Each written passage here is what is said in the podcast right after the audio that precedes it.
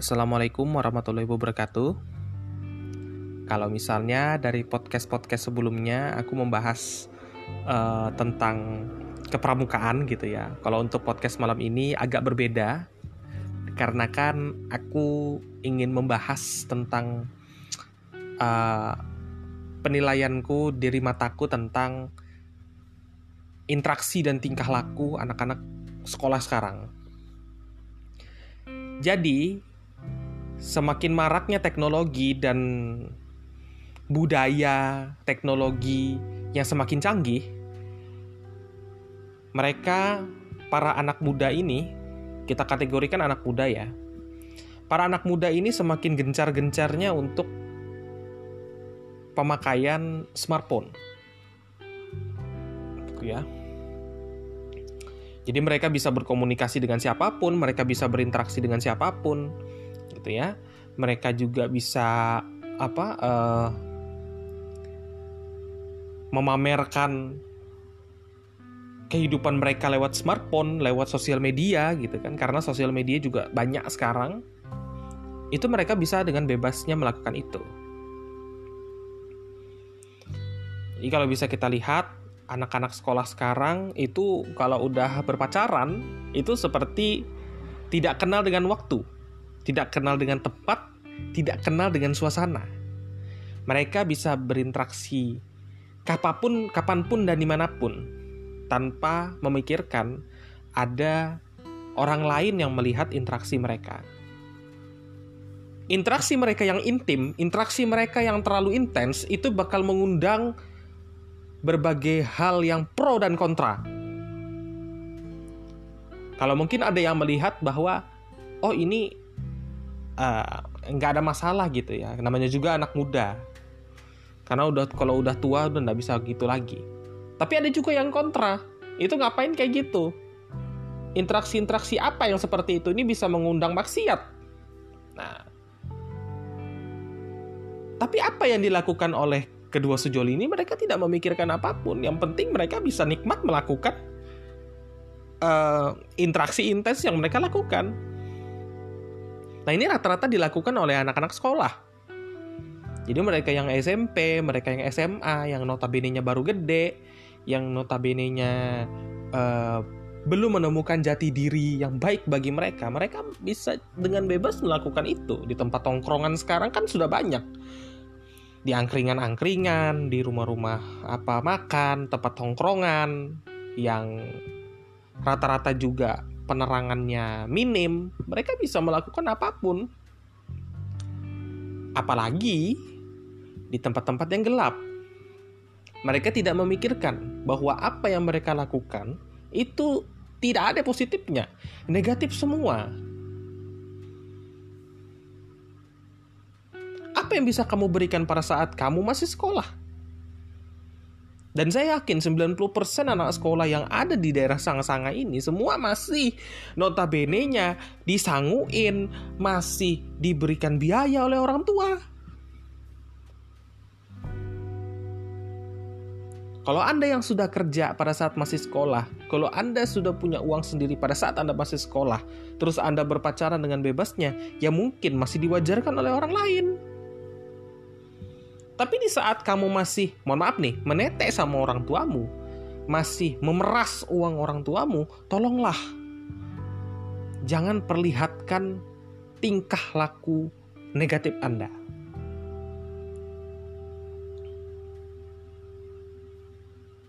Rata-rata kan kalian itu masih 15, 16, 17 tahun yang istilahnya Oh udah dewasa belum? Mohon maaf nih saya bilang Anda itu belum dewasa Kategori dewasa itu kalau misalnya Anda sudah di atas 25 tahun, itu baru dewasa.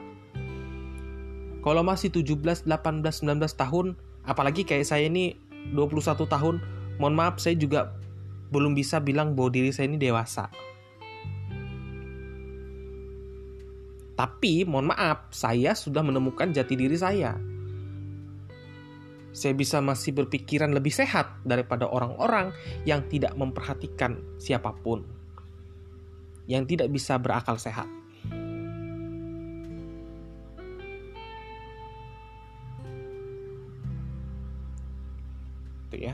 Yang saya lihat fenomenanya itu seperti itu. Pacaran, satu SMA, nanti ke mana-mana berdua. Ini merembet-merembet sedikit ya, apalagi waktu kegiatan pramuka kemarin. Ya, dulu maksudnya. Di kegiatan kepramukaan, berduaan,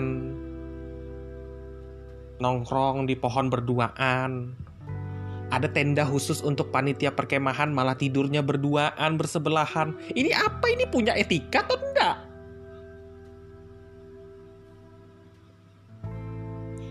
Punya tata kerama atau enggak? Diajarkan norma-norma yang baik sama keluarganya? Karena yang seperti ini adalah manusia yang tidak punya otak. Saya nih, mohon maaf aja, saya ini kalau dibilang sholat juga belang kambingan. Tapi setidaknya saya paham dan saya masih bisa berpikir lebih jernih untuk tidak melakukan hal yang seperti itu. Jadi bagi Anda yang jomblo, itu Anda harusnya lebih bangga karena apa? Anda menjauhi dengan hal yang seperti itu. Karena seperti itu, itu bukan mendekati zina, tapi itu sudah termasuk terkategori sebagai zina. Jadi Anda yang jomblo yang Anda tidak punya pasangan sampai dengan sekarang, berbahagialah Anda bahwa Anda tidak lebih berdosa daripada mereka. Yang saya lihat fenomenanya seperti itu. Berkegiatan di sekolah ataupun kegiatan yang ada di luar sekolah yang ekstrakurikuler, berduaan, berpacaran, ini kan diperhatikan nih, apalagi dengan gurunya. Jadi yang pacaran-pacaran ini pasti diperhatikan dengan gurunya. Oh anak-anaknya seperti ini, oh anak-anaknya seperti ini. Akhirnya ditegurlah. Tapi kan fenomena sekarang tuh berbeda. Saya tidak bisa nyebutkan salah satu sekolah yang saya ingin sebutkan ini ya. Tapi ada juga satu sekolah yang sekiranya kebanyakan gurunya mendukung juga hal seperti itu. Yang berpacar-pacaran dibiarkan sama gurunya. Malah justru didukung. Kalau bilang orang-orang sini itu pujungan. Terus gurunya anak buahnya pujungan diliatakannya aja, diturutkannya aja. Nah yang seperti ini yang salah. Yang akhirnya hakikat seorang guru itu diinjak-injak dengan anak muridnya. Jadi yang harusnya guru ini dihormati, yang guru ini disegani, tapi ini tidak ada harganya. Kebanyakan yang seperti itu tidak ada yang sopan dengan gurunya. Gurunya dianggap teman, gurunya seolah-olah diperlakukan semaunya. Tanpa memikir, oh ini loh tingkat kesopanan Anda itu diuji dengan itu. Tapi kebanyakan tidak ada yang seperti itu. Berani sama gurunya, berani melawan. Kadang-kadang manggil nama aja sama gurunya. Semaunya sama gurunya, nganggap guru kayak teman. Digangguin, dijailin. Ini guru Anda. Bukan temanmu. Jadi pahamilah tentang itu. Bagi yang masih punya otak, bagi yang sekiranya begonya tidak diborong, pasti paham dengan apa yang saya sampaikan.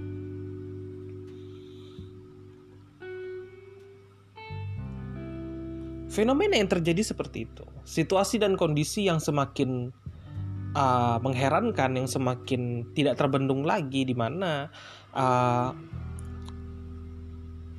5S yang ditetap yang dilekatkan terhadap satuan pendidikan itu pelaksanaannya minim ya. Presentasinya kecil sekali. Karena apa? Karena 5S itu hanya slogan. 5S itu hanya kampanye.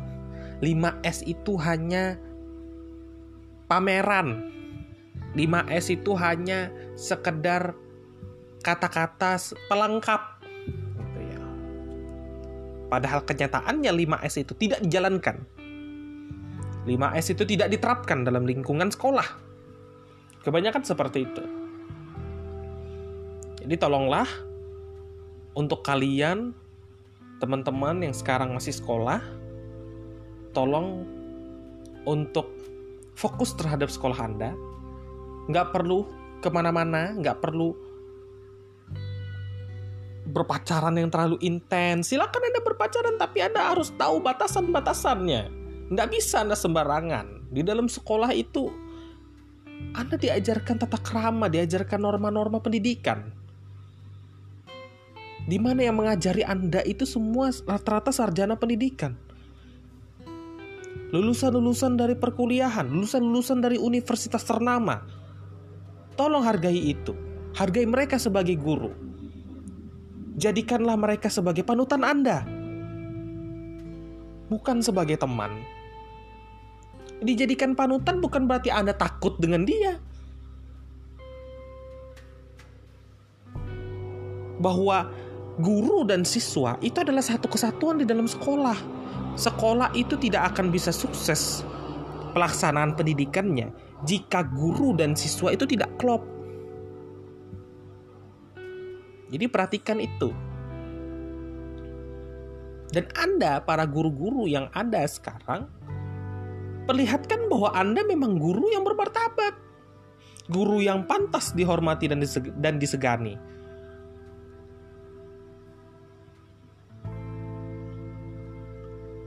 Diberikan peringatan kepada mereka yang selalu memperlihatkan interaksi-interaksi yang tidak benar Perhatikan itu.